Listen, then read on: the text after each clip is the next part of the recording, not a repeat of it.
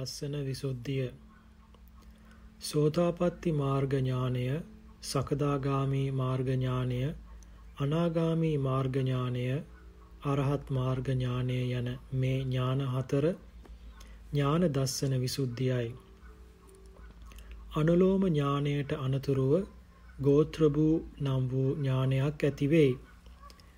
එය නිර්වාණය අරමුණු කරන ඥානයකි. සංස්කාරයන් අරමුණු කොට ඇතිවන්නක් නොවන බැවින් එය ප්‍රතිපදා ඥාන දස්සන විසුද්ධියට අයත් නොවේ. නිර්වාණය දක්නය වුවද නිවන් දැකීමෙන් සිදුවිය යුතු ක්ලේශ ප්‍රහාණය නොවන බැවින් එය ඥාන දස්සන විසුද්ධියටද ඇතුළත් නොවේ. එය ප්‍රතිපදා ඥාන දස්සන විසුද්ධි ඥාන දස්සන විසුද්ධීන් අතර පවත්නා වූ විදර්ශනා පරම්පරාවට අයත් වන බැවින් විදර්ශනා නාමය ලබන විශේෂ ඥානයකි. අනුලෝම ඥානය ඇති කරගත් යෝගාවචරයා හට මාර්ග ඥානය ලැබීම සඳහා කළ යුතු තවත් දෙයක් නැත. උඩ දැමූ ගල අහසෙහි නොරැඳී වැටෙන්නාක් මෙන් ඔහුට මාර්ග ඥානය ලැබීම නියතය. පරිකර්ම උපචාර අනුලෝම යන නම් ව්‍යවහාර කරන අනුලෝම ඥාන තුනෙන් එකින් එකට තම තමන්ගේ ශක්ති ප්‍රමාණයේ ස්ථූල වූද සූක්ෂම වූද සත්‍ය ප්‍රතිචාදකාන්ද කාරයන් දුරු කළ කල්හි යෝගාවචරයාගේ සිත සංස්කාරයන් කරා නොයයි. සංස්කාරයන් කෙරෙහි නොසිටී නොඇලෙයි. නෙළුම් පතට වැටුණු දියබිඳුමෙන් සංස්කාරයන් කෙරෙන් පෙළෙයි හැකිලෙයි. යෝගාවචරයා හට සකල සංස්කාරයෝම පලිබෝධ වශයෙන් පෙනෙති. එබැවින් අනුලෝම ඥානයට අනතුරුව සංස්කාර ආරම්මනික සිතක් නූපදී.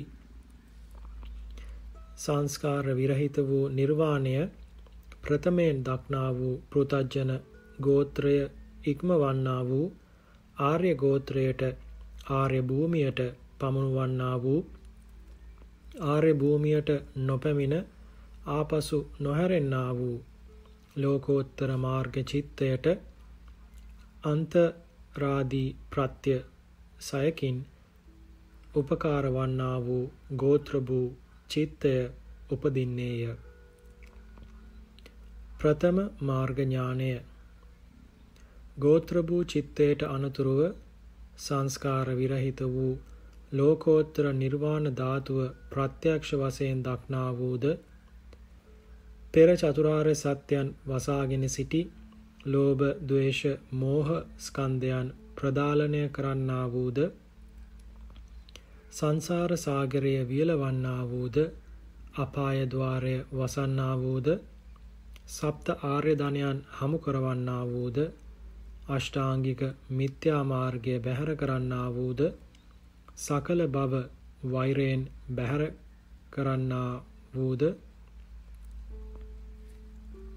මෙතෙක් පෘතජ්ජන සංඛ්‍යාවට අයත්ව විසූ යෝගාවචරයා පරම උත්තම ආර්ය පුද්ගල භාවයට පමුණුවන්නා වූද?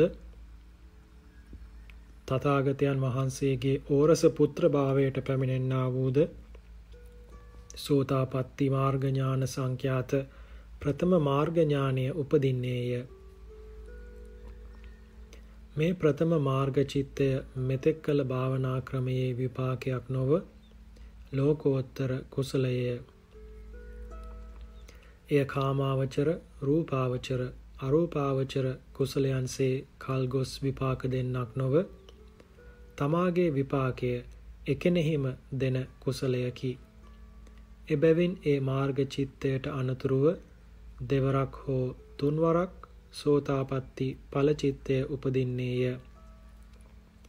ඉන්පසු භවාංග චිත්තයෝ පහළ වන්නාහ. සෝතාපට්ටි ඵලචිත්තය පහළ වීමෙන් යෝගාවචර තෙමේ සෝතාපට්ටි පලස්ත පුද්ගලයා යයි කියනු ලබන ද්විතීය පුද්ගල භාවයට පැමිණෙන්නේය. සෝවාන් මගට පැමිණෙන අවස්ථාවෙහි උපදිනා මාර්ග වීතියේ සිත් පිළිවෙල මෙසේය. 1. මනෝද්වාරා වජ්ජනය 2. පරිකර්මය 3. උපචාරය 4. අනුලෝමය 5. ගෝත්‍ර භූව 6. සෝතාපට්ටි මාර්ගසිත 7. සෝතාපට්ටි ඵල සිත 8 යලිත් සෝතාපට්ටි ඵල සිත භවාංග සිත සෝවාන් මාර්ග ඥානයෙන් සිදු කරන ප්‍රධාන කෘත්‍ය නම් චතුරාර්ය සත්‍ය ප්‍රත්‍යක්ෂ වශයෙන් අවබෝධ කිරීමය. එයට අරමුණු වන ලෝකෝත්තර නිර්වාණ ධාතුව නිරෝධ සත්‍යයි.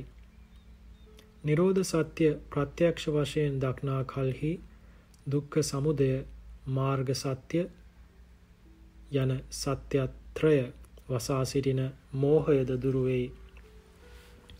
මාර්ග චිත්තයෙන් අරමුණු කිරීම වශයෙන් නිරෝධ සත්‍ය දක්වා දක්නා කල්හි අරමුණු නොකලේද සම්මෝහය දුරුවීම වශයෙන් ඉතිරි සත්‍යන්ද දුටු වේය වන්නේය. එබැවින් මාර්ග ඥානය ෂෝඩසාකාරයෙන් චතුරාර්ය සත්‍ය ප්‍රත්‍යක්ෂ වශයෙන් දන්නා ඥානයක් යයි කියනු ලැබේ. ලෝකෝත්තර මාර්ග සතරක් හා ඵල සතරක් ඇතත් එයින් යෝගාවචරයෙකුට පැමිණීමට ලැබීමට දුෂ්කර දෙය නම් සෝවාන් මාර්ගයයි. සෝවාන් මාර්ගයට පැමිණි තැනැත්තා ජය අත්පත් කරගත්තේය. ඔහුට මතු බියවිය යුත්තක් නැත. අමුතු මහන්සියක් නොවුවවත් අමුතු උත්සාහයක් නොකළත් සෝවාන් පුද්ගලයා මතු මාර්ග ත්‍රයටද ඒකාන්තයෙන් පැමිණ දුක් කෙලවර කරන්නේය. සෝවාන් මගට පැමිණ පසු නිවනට නොගොස් ආපසු යාමක් හෝ සසර රැඳීමක් හෝ නොවන්නේය. ඒ සෝවාන් මාර්ග ඥානය මහානුභාව සම්පන්නය. එහි වටිනාකම පමණ නොකළ හැකිය. සෝවාන් මාර්ග ඥානයෙන් කිසිදු සැකයක් ඉතිරි නොකොට නොවැටහෙන තැනක් ඉතිරි නොකොට සර්වාකාරයෙන් චතුරාර්ය සත්‍ය දුටු කලෙහි ඒ යෝගාවචරයා කෙරෙන් ස්කන්ධයන් සත්ව පුද්ගල ආදී වශයෙන් හටගන්නා සක්කාය දිට්ඨිය ආදී කොට ඇති සකල දිට්ඨීහුම දුරු වෙති. ඒ දෘෂ්ටීන්ට සෝවාන් පුද්ගලයාගේ సంతාණයට ඉපදීම් වශයෙන් ඇතුළු වන්නට ඉන්පසු අවකාශයක් නොලැබේ. එබැවින් සෝවාන් පුද්ගලයාට දිට්ඨිය සර්වාකාරයෙන් ප්‍රහීනයයි කියනු ලැබේ. තවද යෝගාවචරයා හට චතුරාර්ය සත්‍ය දර්ශනයෙන් තථාගතයන් වහන්සේ සත්‍ය වශයෙන්ම සම්මා සම්බුද්ධද නැතද යනාදියෙන් පවත්නා වූ ශාස්තෘන් වහන්සේ පිළිබඳ විචිකිච්ඡාවද සතර මාර්ග සතර ඵල නිර්වාණ සංඛ්‍යාත නව ලෝකෝත්තර ධර්මයේ ඇද්ද නැද්ද? බුදුන් වහන්සේ විසින් දේශිත ධර්මය නෛර්යානිකද? යනාදීන් පවත්නා ධර්මයේ පිළිබඳ විචිකිච්ඡාවෝද සතර මාර්ග සතර ඵලයට පැමිණි පුද්ගල සමූහයක් ඇද්ද නැද්ද? සුපටිපන්න පුද්ගල සමූහයක් ඇද්ද නැද්ද? යනාදීන් පවත්නා වූ සංඝයා පිළිබඳ විචිකිච්ඡාවද? ත්‍රිවිධ ශික්ෂාව පිළිබඳ තියෙන විචිකිච්ඡාවද? අතීතයේදී මම උපන්නෙම්ද? අනාගතයෙහි උපදින්නෙම්ද? නූපදින්නෙම්දයි අතීත අනාගත ස්කන්ධයන් පිළිබඳ විචිකිච්ඡාවද? පටිච්ච සමුප්පාදය පිළිබඳ විචිකිච්ඡාවද? තවත් නොයෙක් කරුණු පිළිබඳ විචිකිච්ඡාවද මතු නූපිදනා පරිදි නිර්වශේෂ වශයෙන් දුරු වෙති. දිට්ටි විචිකිච්ඡා දෙකින් අන්‍ය වූ අපායට පැමිණීමේ ශක්තිය ඇත්තා වූ ලෝභ, ද්වේෂ ආදී සකල ක්ලේශයෝද දුරු වෙති. සෝවාන් පුද්ගලයාට ඉතිරි වන්නේ අපායට පැමිණීමට තරම් ශක්තියක් නැති වූ දුබල වූ ලෝභ ආදී ක්ලේශයන් පමණකි. සෝවාන් පුද්ගලයාගේ ක්ලේශ ප්‍රහාණය චිත්ත වශයෙන් කියතොත් මෙසේය. දිට්ටි සම්ප්‍රයුක්ත සිත් හතර හා විචිකිච්ඡා සහගත සිත යන මේ පස නිර්වශේෂයෙන් ඔහුට ප්‍රහීනය අපායට පැමිණීමේ ශක්තිය ඇති දිට්ටිගත විප්‍රයුක්ත සිත් හතරය ද්වේෂමූල සිත් දෙකය යන මේ සිත් හයද ප්‍රහීනය. අපායට පැමිණීමේ ශක්තිය නැති දිට්ටි විප්‍රයුක්ත සිත් හතරය ද්වේෂමූල සිත් දෙකය ඕදත්‍ය සහගත සිත යන මේ චිත්තයෝ ඔහුට ශේෂය. සෝවාන් මාර්ගයට පැමිණි ආර්ය ශ්‍රාවක තෙමේ මතු කිසි කලෙක අපායේ නූපදිනේය. පමා වුවත් සුගතියෙහිද සත්වරකට වඩා නූපදින්නේය සෝවාන් මාර්ගයාගේ ආනුභාවයෙන් පෙරකී ක්ලේශ ධර්මයන් හා සෝවාන් පුද්ගලයා පිළිබඳ වූ අපායට අයත් ස්කන්ධයෝද හත් ජාතියකින් මතු ඉපදිය හැකි සකල ස්කන්ධයෝද මතු කිසි කලක නූපදිනා පරිදි අනුපාද නිරෝධයෙන් නිරුද්ධ වෙති. ඇතැම් සෝතාපන්න පුද්ගලයෝ බ්‍රහ්ම ලෝකයෙහි අටවන වරට උපදිති. එය කලාතුරකින් සිදුවන ධ්‍යාන ආනුභාවයෙන් කෙරෙන විශේෂ දෙයකි. ධ්‍යාන නොලදහොත් සෝවාන් පුද්ගලයා අටවන වරට නූපදිනා බැවින්ද ධ්‍යාන ලදත් සෑම දෙනම අටවන වරට නූපදිනා බැවින්ද සෝවාන් පුද්ගලයාගේ උප්පත්තිය සත්වරකින් පිරිසිඳුනු ලැබෙයි. සත්වර ඉපදීම වන්නේද මතු මාර්ගඵලවලට නොපැමිණ සෝතාපන්න තත්වයෙන්ම විසුවහොත් පමණකි. සමහර විට සෝවාන් පුද්ගලයෝ සෝවාන් වූ කෙනෙහිම එම ආස්නයේදිම හිඳ ඉතිරි මාර්ගඵලද උපදවා ඉපදීම කෙලවර කරති. සෝවාන් ඵලයට පැමිණ පසු ආර්ය ශ්‍රාවක තෙමේ මම මේ මාර්ගයෙන් ආයෙමි යයි මාර්ගය ප්‍රත්‍යවේක්ෂා කරන්නේය. එයින් මේ නම් ආනිසංසයක් ලදමයි තමාලත් ඵලය ප්‍රත්‍යවේක්ෂා කරන්නේය.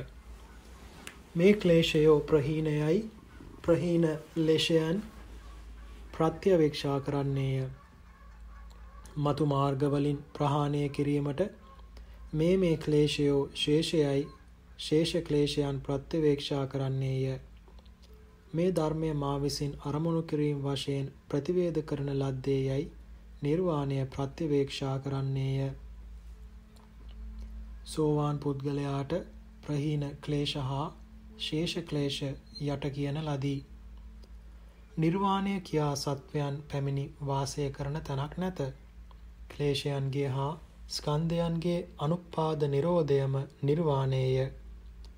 නිවනට පැමිණීම නිවන ලැබීම සෝවාන් මාර්ග ඥානය ලැබීමෙන්ම සිද්ධය. දිට්ටි විචිකිච්ඡාවන්ගේද අපායගාමිනී අවශේෂ ක්ලේශයන්ගේද හත් ජාතියකින් මතුයෙහි වූ සකල ස්කන්ධයන්ගේද අපායික ස්කන්ධයන්ගේද අනුපාද නිරෝධ සංඛ්‍යාත මහා විමුක්ති සුවය සෝවාන් පුද්ගලයා ලත් සෝවාන් පුද්ගලයා පැමිණි නිර්වාණයයි. ද්විතීය මාර්ගඥානය සෝවාන් ඵලයට පැමිණි තැනැත්තා විසින් මතු මාර්ග ඵලවලට පැමිණීම සඳහා පිරිය යුතු විශේෂ ප්‍රතිපත්තියක් නැත. තමාගේ මාර්ගය හා ඵලයද ප්‍රහීන අප්‍රහීන ක්ලේශයන්ද නිර්වාණයද ප්‍රත්‍යවේක්ෂා කොට මතු මාර්ගයට පැමිණ අවශේෂ ක්ලේශයන්ද ප්‍රහාණය කිරීමේ අදහසින් ඉන්ද්‍රිය බල බෝධ්‍යාංගයන් එක්කොට පෙර පරිද්දෙන්ම රූප වේදනා සංඥා සංකාර විඥාන වශයෙන් ප්‍රභේද වූ නාම රූපයන් ඥානයෙන් අනිත්‍ය දුක්ඛ අනාත්ම වශයෙන් බලමින් වෙසන කලෙහි ද්විතීය මාර්ග ඥානය පහළ වීමට ප්‍රමාණ ලෙස විදර්ශනා ඥානය දියුණු වූ විටකදී පෙර පරිද්දෙන්ම අනිත්‍ය වශයෙන් හෝ දුක්ඛ වශයෙන් හෝ අනාත්ම වශයෙන් හෝ සංස්කාරයන් අරමුණු කොට මනෝද්වාර වජන චිත්තය උපදී ඉක්බිති එසේම සංස්කාරයන් අරමුණු කොට පරිකර්ම ජවන චිත්තයද උපචාර ජවන චිත්තයද අනුලෝම ජවන චිත්තයද උපදී. අනතුරුව නිර්වාණ ධාතුව අරමුණු කොට ගෝත්‍ර වූ චිත්තය උපදී. එයට අනතුරුව නිර්වාණයම අරමුණු කොට තවත් තුනී කිරීම වශයෙන් කාම රාග ව්‍යාපාදයන් ප්‍රහාණය කරන්නා වූ සකදාගාමි මාර්ග චිත්තය උපදී. අනතුරුව සකදාගාමි ඵල චිත්තය දෙවරක් ඉපිද නිරුද්ධ වූ පසු භවාංග පතනය වෙයි. සකදාගාමි ඵලචිත්තය පහළවීමෙන් යෝගාවචර තෙමේ සකදාගාමි පලස්ත පුද්ගලයා වූ සතරවන ආර්ය පුද්ගලයා වන්නේය. සකදාගාමි මාර්ග වීතියේ සිත් පිළිවෙල මෙසේය. 1. මනෝද්වාර වජ්ජනය 2. පරිකර්ම ජවනය 3. උපචාර ජවනය 4. අනුලෝම ජවනය පහ වෝදාන චිත්තය හය සකදාගාමි මාර්ග චිත්තය හත. සකදාගාමි ඵල චිත්තය. අට. නැවත සකදාගාමි ඵල චිත්තය. භවාංග චිත්තය. සකදාගාමි මාර්ගයෙන් කාම රාග ව්‍යාපාද ආදී ක්ලේශයෝ තුනී කිරීම වශයෙන් ප්‍රහාණය කරනු ලැබෙත්. සිත් වශයෙන් කියතොත් දිට්ටි විප්පයුක්ත සිත් හතර ද්වේෂ මූලික සිත් දෙක යන මේ සිත හය මේ සිත් හය තුනී කිරීම වශයෙන් ප්‍රහාණය කරනු ලැබේ තුනී කිරීම යනු නිතර නූපදිනා බවටත් උපනත් බලවත් නොවන බවටත් පැමිණවීමයි කාම රාග ව්‍යාපාදීහු තුනී කිරීම වශයෙන් සෝවාන් මාර්ගයෙන්ද ප්‍රහාණය කරන ලදහ. එහෙත් සෝවාන් පුද්ගලයනට ධාර්මික වස්තු විශේෂෙහි පෘතජ්ජනයන්ට සෙයින් කාමරාගේ උපදී. එබැවින් ඔවුහු මෛතුන සේවනයද කරති. සකදාගාමි පුද්ගලයාට එය එපමණ ඕදාරිකත්වයෙන් නූපදී. එය එහි තුනී බවය. සකදාගාමි පුද්ගලයා මතු ඉපදීම් වශයෙන් මෙලව එතොත් එන්නේ එක් වරක් පමණකි. එක් වරක් මෙලොව පැමිණෙන බැවින් එක් වරක් මෙලොවට පැමිණීමෙන් ලැබෙන ස්කන්ධයන් තබා අවශේෂ ස්කන්ධයෝ සකදාගාමි මාර්ගයෙන් අනුපාද නිරෝධයෙන් නිරුද්ධ වෙති.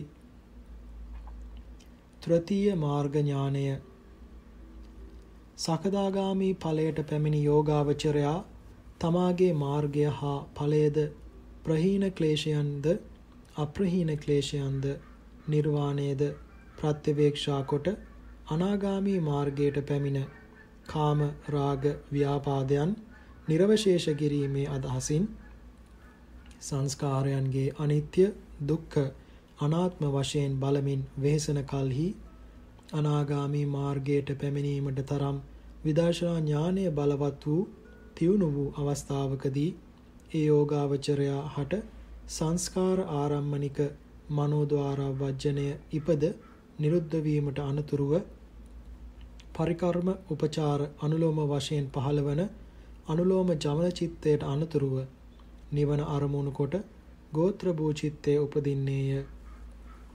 එය නිරුද්ධ වනු සමගම නිර්වාණය ප්‍රත්‍යක්ෂ වශයෙන් දැක කාම රාග ව්‍යාපාදයන් නිර්වශේෂ ප්‍රහාණය කරන්නා වූ අනාගාමී මාර්ග චිත්තය උපදින්නේය. අනතුරුව දෙවරක් අනාගාමී ඵල චිත්තය ඉපිද භවාංගය පතනය වෙයි.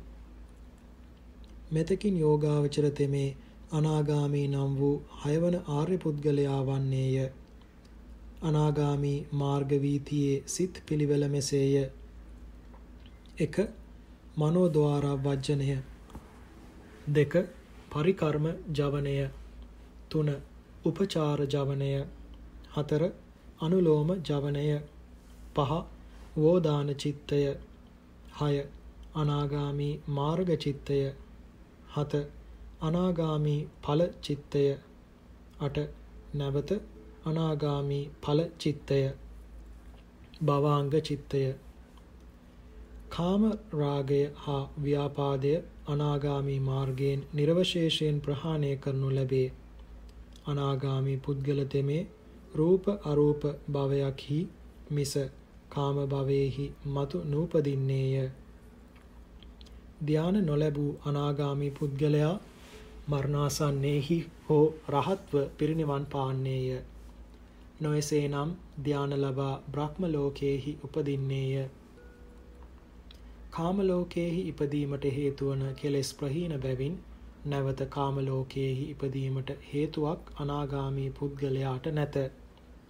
රූප රාග, අරූප රාග, මාන, ඕදත්‍ය, අවිද්‍යාව යන මේවා අනාගාමී පුද්ගලයාට ශේෂ ක්ලේශයෝය. චිත්තෝපාද වශයෙන් රූප රාග සහිත වූ දිට්ටි විප්පයුක්ත සිත අතර ඕදත්‍ය සහගත සිත යන අකුසල් සිත අකුසල් සිත් පහ අනාගාමී පුද්ගලයාට ශේෂය චතුර්ථ මාර්ග ඥානය අනාගාමී පුද්ගලයා විසින් තමාලත් මාර්ගය හා ඵලයද ප්‍රහීන අප්‍රහීන ක්ලේශයන්ද නිර්වාණයද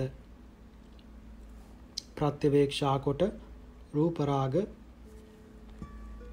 අරූප රාග මාන ඕද්දත්‍ය අවිද්‍යාවන් ප්‍රහාණය කරනු පිණිස සතරවන ආර්ය මාර්ග ඥානයේ ඉපදවීමේ අදහසින් ඉන්ද්‍රිය බල බෝධ්‍යාංගයන් රැස්කොට පෙර පරිද්දෙන්ම සංස්කාර උපේක්ඛා ඥානයෙන් සංස්කාරයන් අනිත්‍ය දුක්ඛ අනාත්ම වශයෙන් සම්මර්ෂණය කරමින් වෙසන කලෙහි අරහත් මාර්ග ඥානය පහළ කරවීමට සෑහෙන පමණට සංකාරූපේක්ඛා ඥානයේ දියුණු තියුණු වූ අවස්ථාව පැමිණි කලෙහි අනිත්‍ය කියා හෝ දුකය කියා හෝ අනාත්මය කියා හෝ සංස්කාරයන් අරමුණු කරමින් උපන් මනෝද්වාර වජන චිත්තයට අනතුරුව පරිකර්ම උපචාර අනුලෝම වශයෙන් නාමයන්ගේ උපදිනා අනුලෝම ජවනයෝ පහළ වෙයි.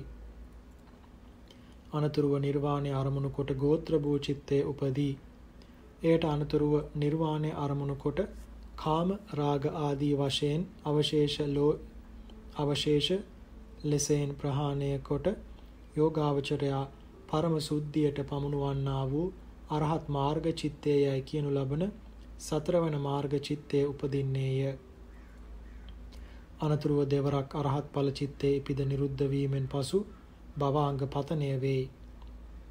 මෙතනින් යෝගාවචර තෙමේ සකල ආශ්‍රවයන් ඡය කළා වූ සකල භවබන්ධනයන් සිඳලූ ස්කන්ධ භාරය බහා තැබූ අන්තිම දේහධාරී වූ ලෝකේහි අග්‍ර දකිනෙය වූ අරහත් නම් වූ අටවැනි ආර්ය පුද්ගලයා වන්නේය. අරහත් මාර්ග වීතියේ සිත් පිළිවෙල මෙසේය. 1. මනෝද්වාර වජ්ජනය 2. පරිකර්ම ජවනය 3. උපචාර ජවනය 4. අනුලෝන ජවනය 5. වෝදාන චිත්තය 6. අරහත් මාර්ග චිත්තය 7. අරහත් ඵල චිත්තය 8. නැවත අරහත් ඵල චිත්තය භවාංග චිත්තය අරහත් ඵලයට පැමිණි ආර්ය ශ්‍රාවක තෙමේද තමාලත් මාර්ගය හා ඵලයත් ප්‍රහීන ක්ලේශ හා නිර්වාණයත් ප්‍රතිවේක්ෂා කරයි. රහතුන්ට ශේෂ ක්ලේශයෝ නැත.